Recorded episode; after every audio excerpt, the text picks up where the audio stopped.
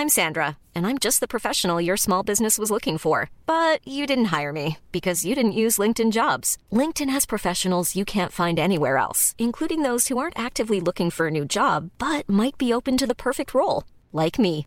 In a given month, over 70% of LinkedIn users don't visit other leading job sites. So if you're not looking on LinkedIn, you'll miss out on great candidates like Sandra. Start hiring professionals like a professional. Post your free job on linkedin.com/people today.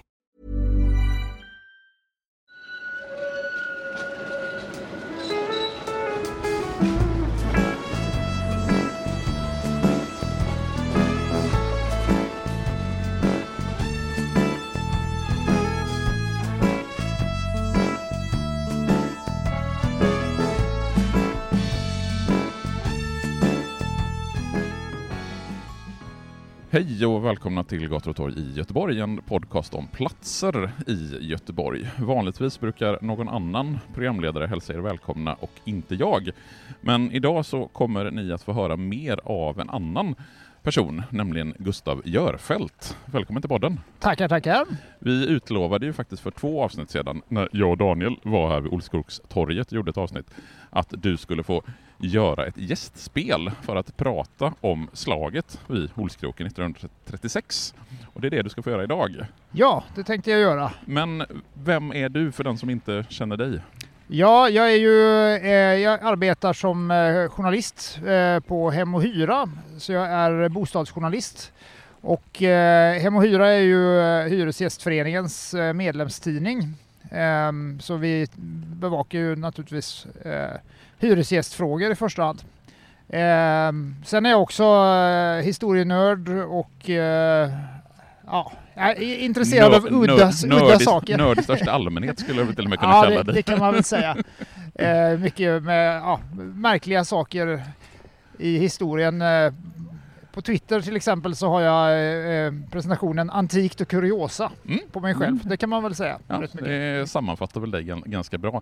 Men vi står ju här vid Olskrokstorget och hör ni någonting som braskar och knastrar i bakgrunden så är det ju nyfallen snö som har lagt sig över Olskrokstorget och göteborgare som promenerar i den här februarisnön när vi nu ska prata om slaget vid Olskroken 1936. Var ska vi börja tycker du Gustav? Ja men vi kan börja med, nu står vi, vi kan börja med att säga att vi står ju nu på Olskrokstorget som egentligen borde kallas nya Olskrokstorget. För det har ju bara legat här sedan början av 1980-talet. Eh, Ni har haft ett tidigare avsnitt kanske Yes. och pratat om detta. Men jag tar gärna hela, eller Ja. en kortfattat historia i alla fall för de som inte lyssnat på det kort, avsnittet. ja, kan jag ta väldigt kortfattat. Det här är ju alltså en, en, en stadsdel som har genomgått en så kallad totalsanering. Det var väl nästan den sista stadsdelen där det hände att man rev eh, en hel Ja, en, en halv stadsdel i alla fall bestående av landshövdinghus, en gammal arbetarstadsdel och byggde nya hus i, eh, på 70-talet och början av 80-talet. Så vi är omgivna här av tegelhus som eh,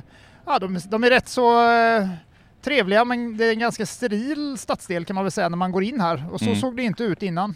Jag tänkte att vi kanske kan gå ner till, eh, eller ja, vi kan börja här i och för sig. Vi är på Bondegatan. Eh, I den här gamla eh, arbetarstadsdelen med, med landshövdinghusen eh, så hade man i alla fall, det, gatuplanen, eller gatunätet är ju bevarat som det var. Så man kan Mm. ändå orientera sig rätt mycket. Och det finns fyra gator som är uppkallade efter de fyra stånden. Bondegatan, Borgaregatan, Prästgatan och Riddaregatan. Fast Riddaregatan är nästan försvunnen idag för den löpte parallellt med E20 här ute. Mm. Och- den, den här stad, stadsdelen växte fram egentligen på 1880-talet. Redbergsvägen, eller Redbergsgatan som går bakom oss här, den har ju funnits långt innan. Det var ju den gamla landsvägen ut ur Göteborg österut. Eh, men det låg ju bara ett värdshus här och sen eh, landerier, alltså bondgårdar. Men på 1880-talet så byggdes eh, eh, bostäder här och det var ju för industriarbetare. Eh, för samtidigt så hade man ju ja, arbetare som arbetade dels på Gamlestans fabriker här lite längre bort eh, och på Pellerins margarinfabrik som hade byggts här då också. Eh, han hette ju egentligen Pellerin. Pellerin, för han var Mm. fransman. Eftersom margarinet är en fransk uppfinning så tog ju Pellerin med sig margarinet hit till Sverige och öppnade Peller, man säger väl ändå Pellerins margarinfabrik när vi är i Göteborg. Vi tycker säger ju margarin och inte margarin, Nej, så vi precis. säger också pellerin. Så 1894 så öppnade Pellerins margarinfabriker och precis som du säger, just slutet av 1800-talet är ju en väldigt dynamisk period i svensk och göteborgsk historia med industrialisering och därtill urbanisering. Människor som flyttar in till Göteborg och stan växer så det knakar. Ja, och här växte då flera nya eh, arbetarstadsdelar fram. Dels Gamlestan och sen Olskroken. Sen låg ju Gårda här nära också, eller ligger fortfarande. Ehm, och ehm, här byggdes landshövdingehus, ehm, men de var ganska Ja, de byggdes rätt tidigt och var av ganska dålig kvalitet kan man väl säga. Det var Mm. också en anledning till att, eller ett argument i alla fall, när man sedan rev alltihopa på 70-talet, att det här var inte så bra landshövdingehus som fanns i en del andra stadsdelar, så de var inte värda att bevara tyckte man då. Eh, utan här var det landshövdingehus som eh, hade dass på gården och, eh, och eh, ja, el- enkel standard. Ja, det Eh, var väl till och med jordgolv bitvis i de här lägenheterna som jag förstått det. Ja, i alla fall i källarna. Jag vet inte om det var inne i lägenheterna, kanske från början Mm. på 1800-talet, men senare så var det ju, då när vi kom fram till 1930-talet så var det ju fortfarande jordgolv i källarna och inget elektriskt ljus i källare och vindar och sådana saker. Eh, så att det var ganska ruckliga hus. Men eh, ja, det, som sagt, det blev en, en väldigt eh, arbetardominerad stadsdel här där, där det var arbetare som hade ja, som hade jobb. Det var inte ett trasproletariat som bodde här utan det var industriarbetare. Ehm, och det var ju just i de här områdena här omkring Gamlestan, Olskroken och så som även hyresgäströrelsen tog fart i Göteborg. Millions of people have lost weight with personalized plans from Noom, like Evan, who can't stand salads and still lost 50 pounds. Salads, generally, for most people, are the easy button, right? For me, that wasn't an option. I never really was a salad guy. That's just not who I am. But Noom worked for me. Get your personalized plan today at Noom.com. Real Noom user compensated to provide their story. In four weeks, the typical Noom user can expect to lose one to two pounds per week. Individual results may vary. Millions of people have lost weight with personalized plans from Noom, like Evan, who can't stand salads and still lost 50 pounds. Salads, generally, for most people, are the easy button, right? For me, that wasn't an option. I never really was a salad guy. That's just not who I am. But Noom worked for me. Get your personalized plan today at Noom.com. Real Noom user compensated to provide their story. In four weeks, the typical Noom user can expect to lose one to two pounds per week. Individual results may vary. Ja, Jag tänker vi kan komma dit i hyresgäströrelsen. Vad- Ja. Hur växer den fram i början på 1900-talet egentligen? Ja, den, den, eh, den växer fram eh, i lite, lite stötvis i, i olika försök, men eh, när det verkligen tar fäste så är det egentligen i, i höjd med första världskriget. Och då är det små lokala hyresgästföreningar som bildas. Den första som bildas och som fortfarande, eller som fick en liksom långvarig existens var här i Gamlestan alldeles intill. Ja, de firar väl sitt 100-årsjubileum ganska nyligen va? Ja, eh, 2017 var det 100 år då. De, de bildades 1917. Eh, och eh, det var arbetare på SKF och deras familjer. Det var ju ofta kvinnorna som var drivande men, men eh, de har blivit lite undanskuffade i historien för att eh, det var var, varje hushåll blev medlem. En röst per hushåll och då var det oftast mannen som förde talan.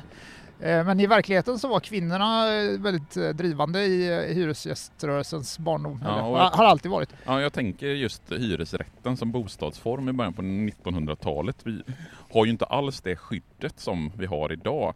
Vi har ju ingen hyresreglering, vi har inte bruksvärdessystemet som vi har idag, utan det är väl mer eller mindre marknadshyra som gäller i början på 1900-talet. Det är det och det fanns heller ingen besittningsrätt. Det var väldigt, väldigt eh, konkret i Gamlestan till exempel där husen ägdes av SKF. Besittningsrätt betyder ju att man har rätt att bo kvar om man inte har misskött sig. Har man, har man betalat hyran och, och gjort som man ska så kan inte värden bara kasta ut den helt plötsligt.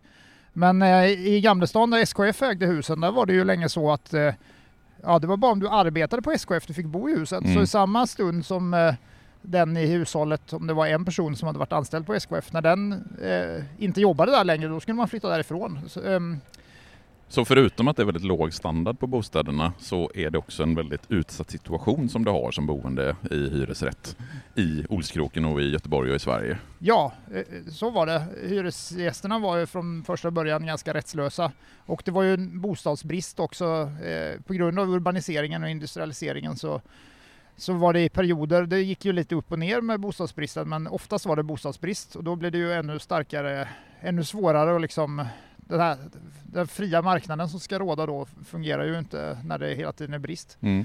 Men om vi tittar på hur situationen nu är. Vi har de första hyresgästföreningarna i slutet på 1910-talet, alltså under första världskriget, så växer de fram. Under 1920-talet så har vi ju en situation i, i Sverige och i Göteborg med, som vi har varit inne på, låg standard på bostäderna. Vi har ganska hög arbetslöshet bitvis under 1920-talet. Och om vi då tittar på Olskroken under 1920-1930-talet, vad är det för typ av stadsdel? Vad, hur, hur är boendeförhållandena? Vad är det för människor som bor? Är det fortfarande arbetare? Ja, det är fortfarande arbetare. Sen, hade det, sen byggdes det nytt här på andra sidan Redbergsgatan. Eh, eller heter det Redbergsvägen? Jag blev osäker nu när du... Men alla, det är där, där spårvagnen går ja, i alla fall. spårvagnen går. Upp för Redbergsli där. Här Mm. ligger ju tegelhus, eh, så här funkis-tegelhus. De var ju alldeles nybyggda då på 30-talet. Gubbero heter det ju här på andra Mm. sidan egentligen. Eh, så, så där hade man ju byggt nyare hus med högre standard. Men det var ju eh, lite dyrare att bo där som det alltid är med nyproduktion. Mm. Så att det var, eh, Ehm, men här, här i, i eh, Olskroken så var det en arbetarbefolkning som var eh, ganska organiserad också. Det var väl liksom eh, en Eh, som sagt, industriarbetare som eh, var fackligt organiserade och mycket och det var, fanns mycket eh, vänsterengagemang. Eh, det som hände på 20-talet och 30-talet i Göteborg och i Stockholm, för det var ju framförallt där som det var liksom stora hyresgäströrelser som växte fram, eh, var ju att det blev eh, konflikter mellan hyresgästföreningarna och fastighetsägarna. Och här i Göteborg var det hårdare konflikter än i Stockholm. Eh, både för att hyresgästföreningarna här var mer dominerade, eh, eller hade ett högre inslag i alla fall av eh, radikala eh, företrädare. Det fanns ju både kommunister och eh, vänstersocialister. Och syndikalister, Och syndikalister mycket. Mm. Eh, och sen socialdemokrater och så. Så det var en blandning. Eh, så det var en mer stridbar hyresgäströrelse här i Göteborg, men det Mm. var också eh, mer stridbara fastighetsägare får man väl säga. De var Mm. inte alls lika pigga på att mm, förhandla eller göra överenskommelser som man i Stockholm var det ändå mera eh, hade fastighetsägarna tidigare börjat förhandla med hyresgästföreningarna. Mm. Här tyckte man att det var någon sorts kommunistmaffia som man inte eh, ville ha att göra med i många fall. Ja. Så, det- så det var mycket under, under det här trappades upp under 20 och 30-talet. Och på den tiden, vi, vi tänker inte så mycket på det för det används inte idag så mycket. Men eh, om, man tittar, om man jämför med arbetsmarknadens parter, där finns ju stridsåtgärder, strejk, lockout, Mm. sådana grejer. Eh, och det finns det ju på bostadsmarknaden också, eller hyres, hyresmarknaden. Eh, och, men det används inte så mycket nu för tiden, men då användes det mycket. Eh, så att eh, det var hyresstrejker och det var också hyresblockader. att eh, eh när, när, om, om det var en konflikt eh, med en fastighetsägare, för ofta var det ju att man till exempel ville att fastighetsägarna skulle sänka hyrorna. Det är ju inte heller något man hör så mycket idag. Och det är att man vill sänka hyran på att standarden är så låg att de Ja. inte underhållna Ja, bostäderna. det var då. väl ofta Mm. så. Ehm, och då kunde hyresgästföreningarna sätta huset i blockad, vilket Mm. betyder att när någon flyttade ut så fick ingen flytta in i den lägenheten. Eh, och det kräver ju stark sammanhållning då, Mm. eh, om man inte ska få någon blockadbrytning. Eh, men det var väl också lättare då kanske när alla, folk var mycket mer lokala och bodde, man bodde i sin stadsdel, det var mycket social kontroll Mm. och, eh, Eh, och att det var eh, sammanhållning. Så, att, så, att, eh, så det användes ganska flitigt. Så det var, och eh, fastighetsägarna svarade ju då med att vräka istället om, om, om inte hyresgäst gick med på höjd hyra så blev de vräkta och så. Så det var mycket konflikter. Så vi har en väldigt konfliktfri situation med liksom klart uttalade stridsåtgärder från båda parterna när vi nu långsamt börjar närma oss det här stridsåret 1936. Ska vi ta och promenera Ja, neråt längs det. Vi Bondegatan? promenerar lite längs Bondegatan här. Ehm, Se, se om vi kan prata och gå samtidigt. Det kan vi göra. Egentligen kanske vi, hade, vi kanske skulle ha startat vid Olskrokstorget, ny- gamla Olskrokstorget här nere vid, som numera är ett parkeringshus och promenerat upp hit. Men eh, sak samma. Eh, ja, Mm. det som hände då 1936 är att Hyresgästföreningen i Olskroken som är uppbackad av Hyresgästernas centralförsamling som, som var eh, den eh, lo- lokala centralorganisationen här i Göteborg. Eh, de, de kräver att eh, fastighetsägarna i Olskroken som i sin tur, fastighetsägarna var organiserade i något som heter Fastighetsägarnas garantiförening. Då vill de att eh, fastighetsägarna ska rusta upp husen. Eh, att det ska bli vatten, alltså WC på, på svalen istället för utedass på gården med, med råttor och sånt som man har nu. Om man vill ha cement eller betonggolv i källaren och man vill ha elektriskt ljus in i husen, och även i källare och vindar och sådär. Ja, och en, och en del annat. Eh, och fastighetsägarna är väl med på att det här behövs faktiskt. Nu har vi kommit till Olskroksgatan förresten. Eh, och det här är ju den gamla huvudvägen, eller det här är ju liksom egentligen huvudgatan genom Olskroken förutom Redbergsvägen här borta. Eh, men idag är den ju väldigt, eh, eftersom det inte längre finns några affärer eller någonting här. Det känns ju som en extremt död gata när man står från och tittar upp Ja. eh, längs med Olskroksgatan. Det är mest en cykelväg idag Ja. kan man säga. Det, men då var det ju huvudleden och här nere låg torget där vi nu ser ett parkeringshus. Torget låg liksom framför stadsdelen då, precis som i Gamlestan. Och här ligger dessutom Hyresgästföreningen Kastanjens eh, verksamhetslokaler Precis. på hörnet på Olskroksgatan. Och de ligger inte så långt från där Hyresgästföreningen i Olskroken hade sitt kontor. Vid den här tiden, då låg det på den sidan, nummer 20, det är en liten bit upp här. Mm. Eh, men det var på Olskroksgatan. Eh, ja, eh, i alla fall, hyresgästföreningarna ville rusta upp. Fastighetsägarna höll med om att det, vi behöver rusta upp och modernisera i den här stadsdelen. Men i sådana fall måste vi ju höja hyrorna, för det kostar ju faktiskt pengar att göra allt det här. Men då hade hyresgästföreningarna eh, året innan, 1935, gjort en stor utredning där de hade tittat på hur mycket pengar har egentligen fastighetsägarna här i Olskroken tjänat sedan 1910-talet. För det hade varit en våldsam eh, liksom, värdestegring på husen och hyrorna har höjts hela tiden utan att det har gjorts nästan något underhåll. Mm. Så de räknade ut att, eh, att det var miljonbelopp som man hade tjänat och eh, bara de sista tio åren så hade fastighetsägarna här lokalt i Olskroken som var anslutna till den här garantiföreningen hade haft en värdestegring på 2,5 miljon. Det var ju jättemycket pengar Mm. på den tiden. Så då tyckte ju eh, hyresgästerna att ni har tjänat svinmycket pengar igen. Ni kan göra den här upprustningen i alla fall. Eh, och fastighetsägarna sa nej det kan vi inte utan eh, då, eh, då kommer vi att gå back om vi gör det. Vi måste ha in pengar. Så när, när hösten 1936 kom, i oktober, eh, då aviserade fastighetsägarna att de ville höja hyrorna med 10 procent. Mm. En ganska rejäl hy- Och hade hyreshöjning. det här varit för några år sedan så hade man ju bara skrattat åt den summan. Men det känns ju som här 2023 så skrattar vi inte åt den 10-procentiga förslag på hyreshöjningar längre. Nix. Tyvärr. Nu har vi sådana igen. Ja. Eh, och då sa, ja, då sa Hyresgästföreningen nej till det.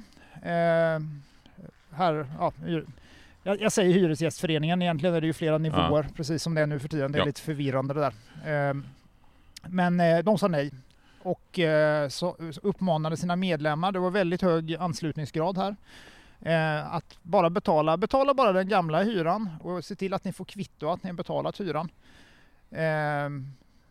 Så, att- men då sa fastighetsägarna om, ja, om folk gör så då kommer de att bli vräkta, då kommer vi vräka dem. Var vi hyresgästsidan svarade i sådana fall så sätter vi er i blockad.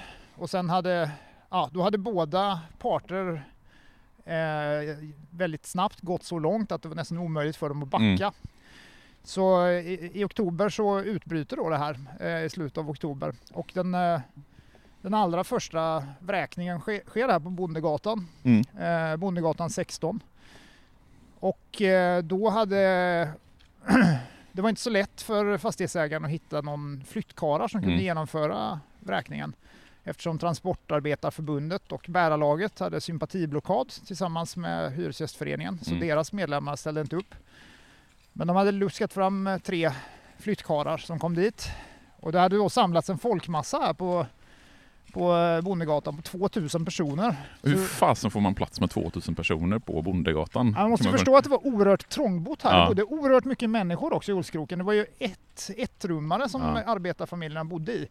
Eh, och ofta hade man dessutom inneboende så att det var oerhört mycket människor som bodde här. Nej, men det måste ju varit knökat och Mm. jag tänker också att det var en ganska hotfull stämning. Mm. Och Även- när vi säger Bondegatan 16 så borde det då vara ganska nära där nuvarande Olskogstorget ligger.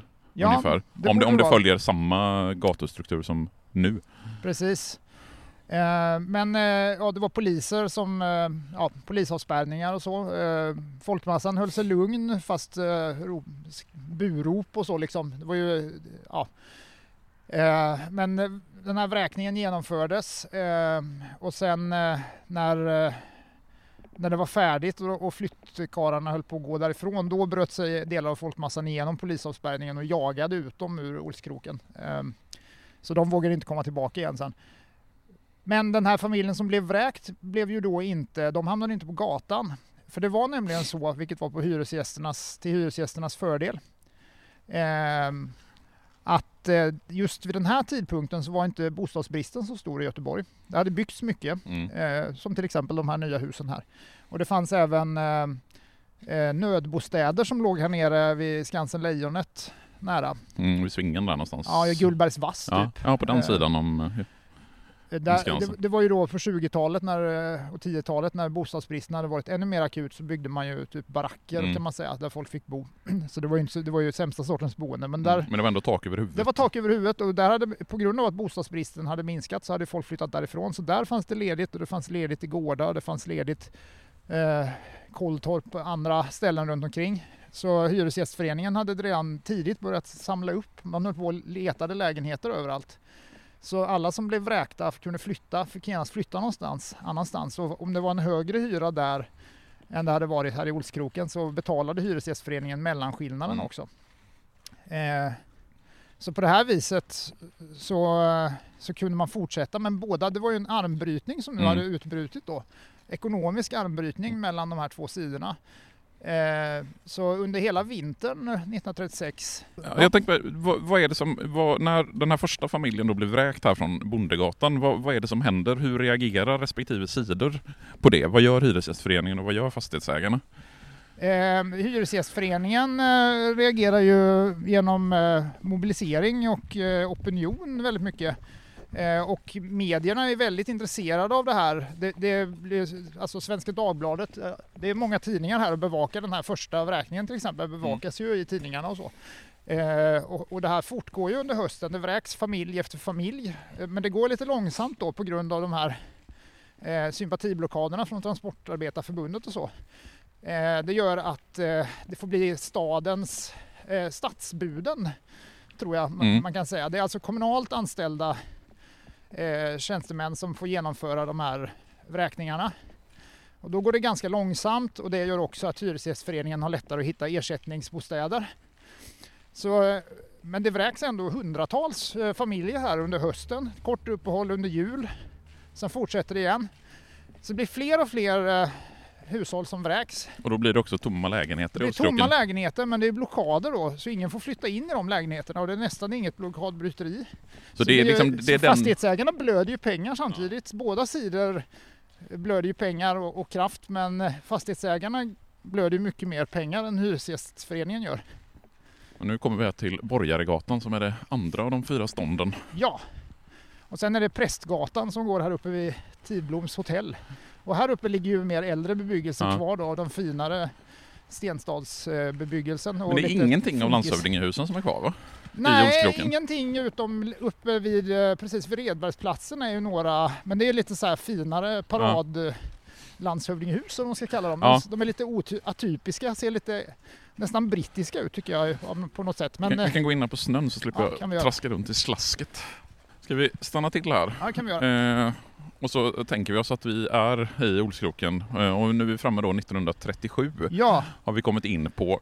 Och konflikten den fortsätter. Hyresgästföreningen har satt lägenheterna i blockad och man hyresstrejkar. Eh, och det måste ju vara utmattande för Hyresgästföreningen. Tufft. ja, ja, det är det ju och, och socialt utmattande. Men, de, men man har ändå fortsatt eh, ett stort stöd av befolkningen eh, i, i stadsdelen. Det hålls flera stora möten här uppe på Redbergsgården och så där samman, sammanhållningen eh, är fort, fortfarande god. Så det blir, det blir fler och fler tomma hus. Eh, till sist när våren kommer så är mellan en fjärdedel och en tredjedel av alla lägenheter i Olskroken tomma.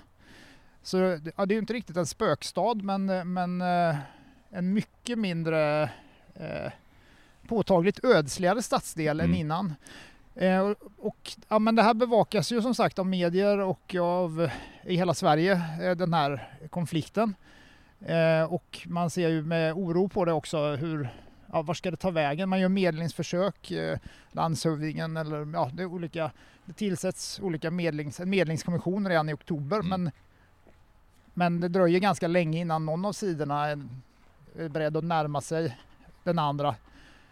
Eh, sammanhållningen hos hyresgästerna måste ju vara jättestark i det här läget om ingen viker ner sig i det här liksom blockad, blockaden mot lägenheterna i Olskroken. Nej, det är oerhört stark och jag, jag har funderat mycket på det att eh, jag tänker att det skulle vara omöjligt att genomföra en sån här grej idag, skulle, tror jag, alltså mm. för att, eh, att det inte finns den lokala sammanhållningen och eh, sociala sammanhållningen eh, Ja, men det säger väl en del om det skittet som har vuxit fram i en arbetarstadsdel som Olskroken. Att även om lägenhetsstandarden är låga och folk har det ganska tufft så finns det ändå en lokal gemenskap med en känsla av solidaritet mellan boende. Att man, här ställer vi fan upp för varandra. Japp, jo, och sen var det ju också att man bestraffade ju om det var någon som var blockadbrytare så blev den eh, socialt utstött och kanske man, man skrev, det fanns ju en tidning som hette Hyresgästen också. Det har jag mm. inte nämnt, men det ligger ju en gata bakom som är den tråkigaste gatan. Det är Martin Anderssons Martin gata. Anderssons gata, den har bara ett parkeringshus där, men den är ju då uppkallad efter chefredaktören för tidningen Hyresgästen. Mm. Det är väl det enda synbara tecknet här i geografin på den här eh, konflikten. Ja, Martin Andersson, han var väl en eh, tämligen välkänd profil, eller lokal profil åtminstone. Jag tror han förekommer i Karl Gerhards, de ökända kvarteren i ryska Marseille. Så nämns han som hyresgästen Martin Andersson. Kungsportsavenyn och hissingen smälts ihop till en publik. Hyresgästen Martin Andersson, han dansar med publik. vad, kan vi säga, vad kan vi säga om honom mer? Ja, men han var en, en, en stridbar eh, lokal politisk profil som gjorde en politisk resa tror jag från, han var nog periodvis kommunist, syndikalist och slutligen socialdemokrat, mm. men han var ju på vänsterkanten. Eh, antifascist också. Han hade en annan tidning som hette Minareten som var väldigt eh, en antifascistisk eh, boulevardtidning, alltså mm. som såldes på gatan. Så här. Eh, men framförallt var han ju då känd för att han var eh, redaktör för tidningen Hyresgästen som var hyresgäströrelsens eh, stora alltså, det är organ här föregångaren i... till Vår Bostad som sen är föregångaren till Hem och Hyra, eller?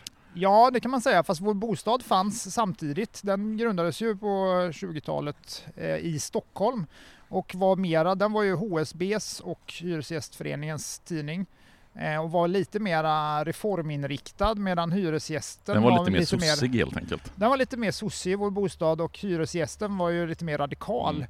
Och eh, var väldigt, skrev väldigt mycket om miss, värdar som misskötte sig och liksom mm. eh, ja, eh, vår, de som, Vår Bostadlägret tyckte väl att, att Martin Andersson och Hyresgästen var lite för eh, ja, men både, så här, både för konfrontativ och att de uppehöll sig för mycket vid små konflikter mm. och att man borde liksom höja blicken och titta framåt och hur ska vi reformera och vad ska vi göra istället och sådana grejer. Mm. Eh, men eh, hyresgästen var mycket av ett kamporgan kan mm. man säga då.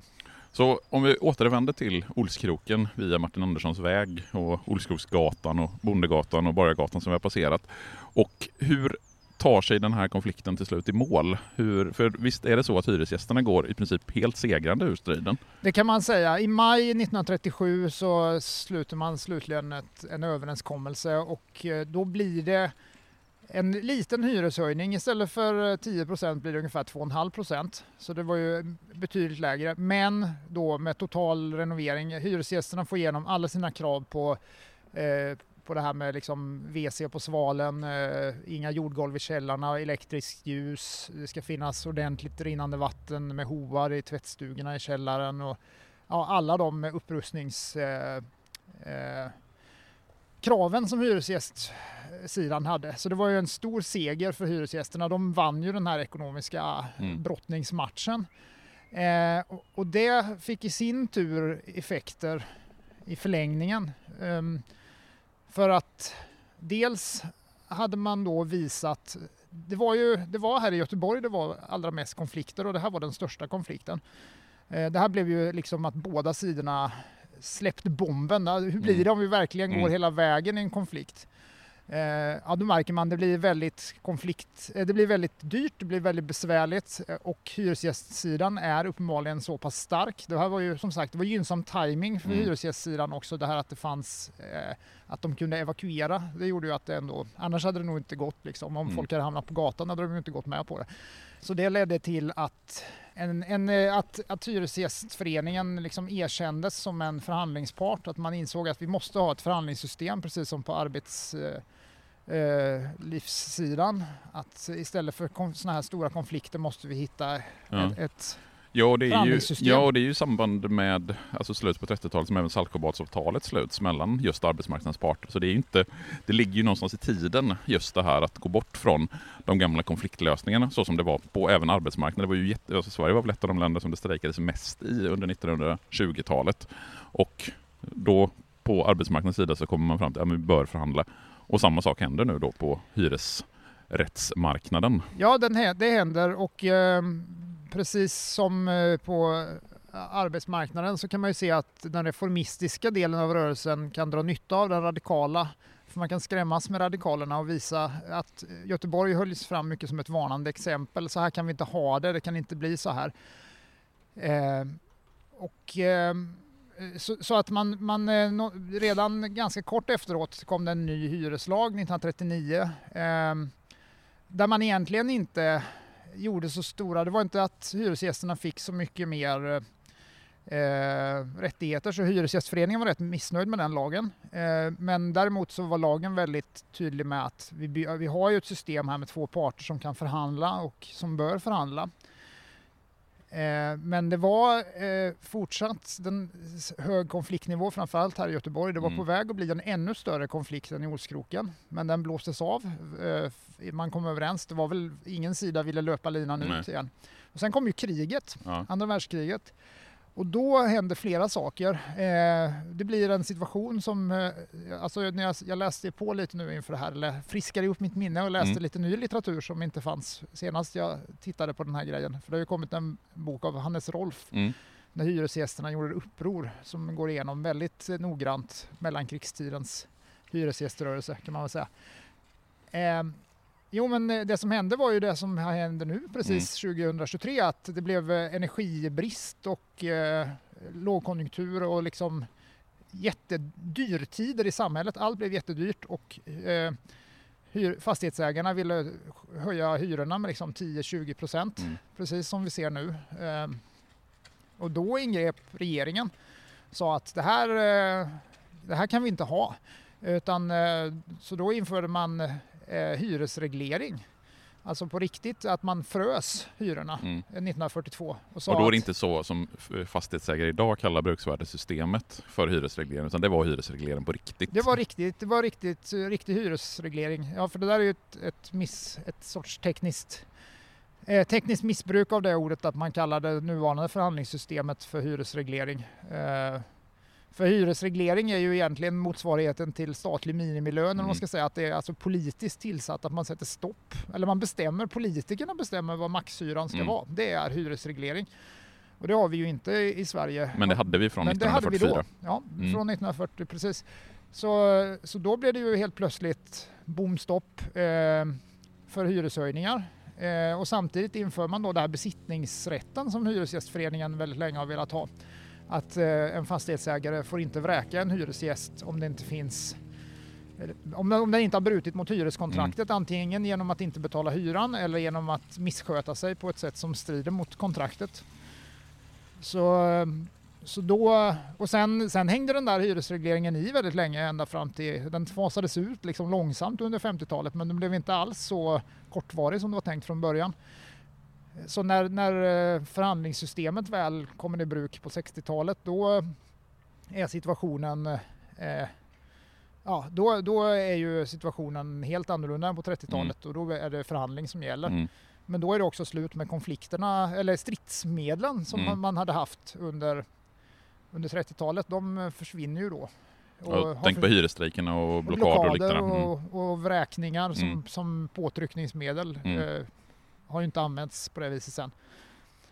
Ehm, så, så, så det var den ena, eller det var den stora grejen som hände. Men det som hände om man samtidigt under kriget eh, i hyresgäströrelsen här i Göteborg var ju att eh, ja, den här, det här socialistiska, socialistisk, alltså vänsterradikalernas inflytande minskar ganska mycket och det beror inte på eh, som det ibland har utmålats från vänsterhåll kanske på socialdemokratiskt ränksmideri, i alla fall inte i första läget, utan det beror på att eh, vänsterrörelse, flera av de vänsterrörelserna blev väldigt misskrediterade. Mm.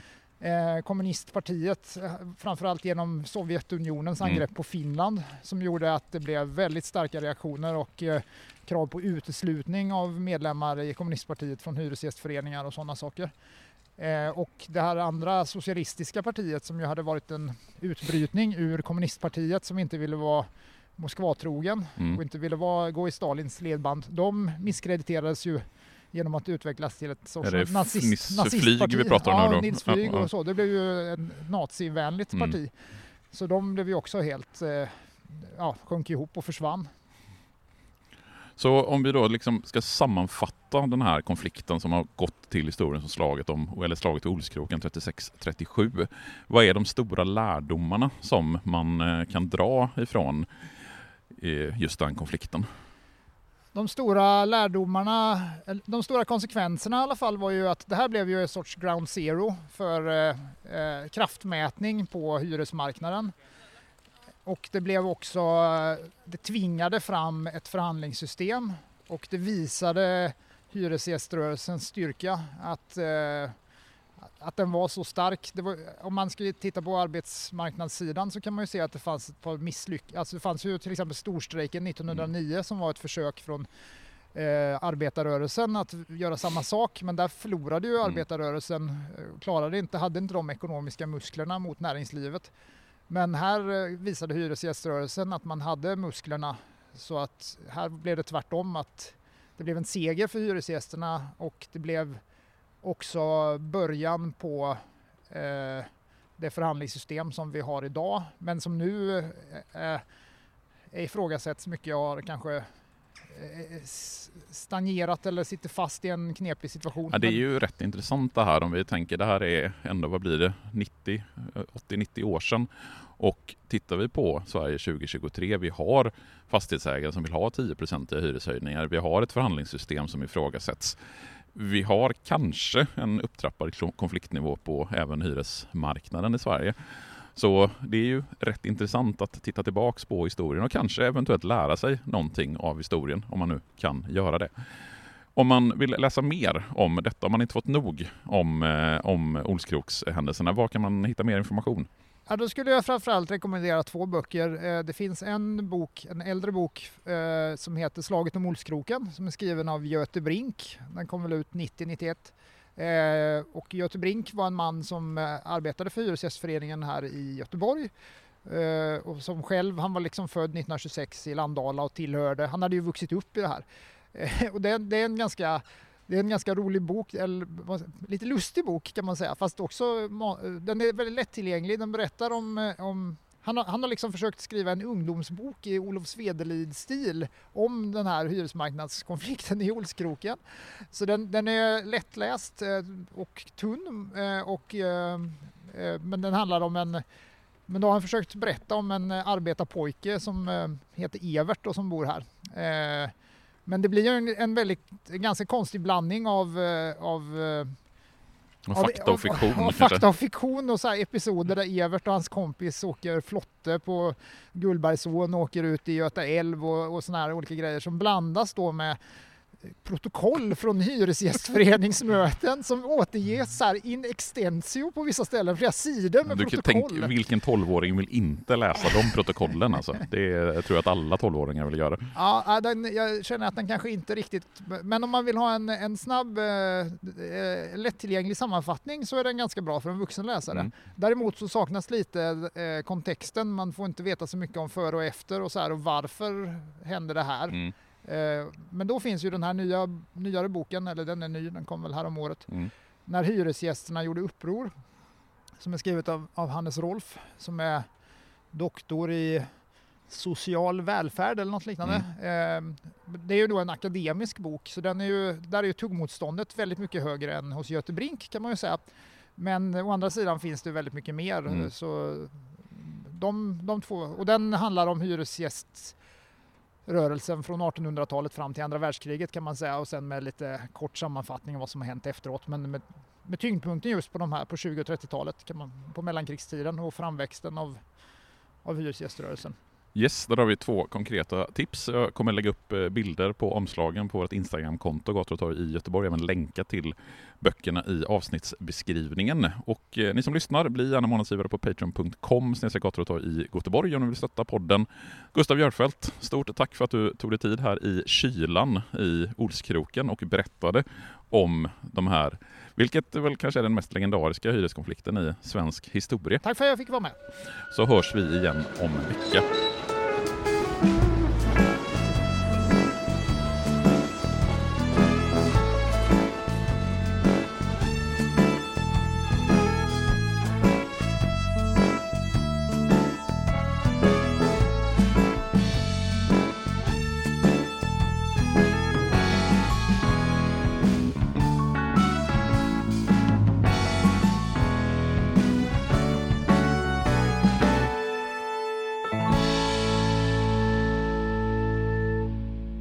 Gator och torg i Göteborg produceras av Reostat Media AB. Jag tänker, du var ju klädd sa du ju. Ja, ja men det var kallt ändå.